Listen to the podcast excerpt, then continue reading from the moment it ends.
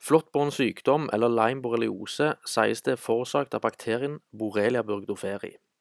De mest utbredte symptomene er kort sagt feber, utmattelse og hodepine. Og For behandling brukes det antibiotika for å bekjempe og lindre bakterieinfeksjonen. Når det er sagt, er det ingen klinisk påvist antistoff tidlig i sykdomsforløpet i forbindelse med f.eks. For utslett. Det er kun rundt 30% av de utsatte som i det hele tatt kan referere til et flåttbitt, og er utsagn fra FHI, altså Folkehelseinstituttet sjøl. Og selve årsaken til sykdommen, som er det essensielle i denne sammenheng, er bruk av myggspray og myggkrem, med andre ord det vi forbinder med forebyggende tiltak. Det er virkestoffene permetrin og dityltoluamid som er av betydning.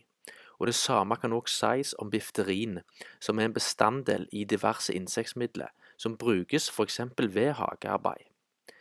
Dette er alle virkestoff som kan eh, kjøpes lokalt i butikk.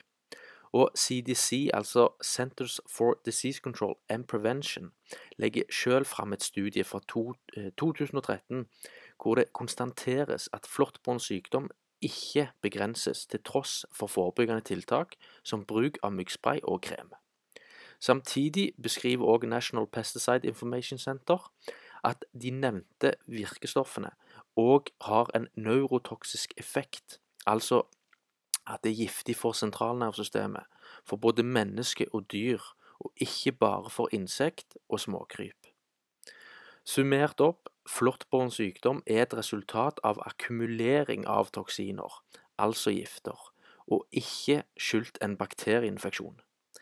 Bakterier er saprotrofiske og pleomorfiske av natur, men det er tema for en fremtidig skjerpes.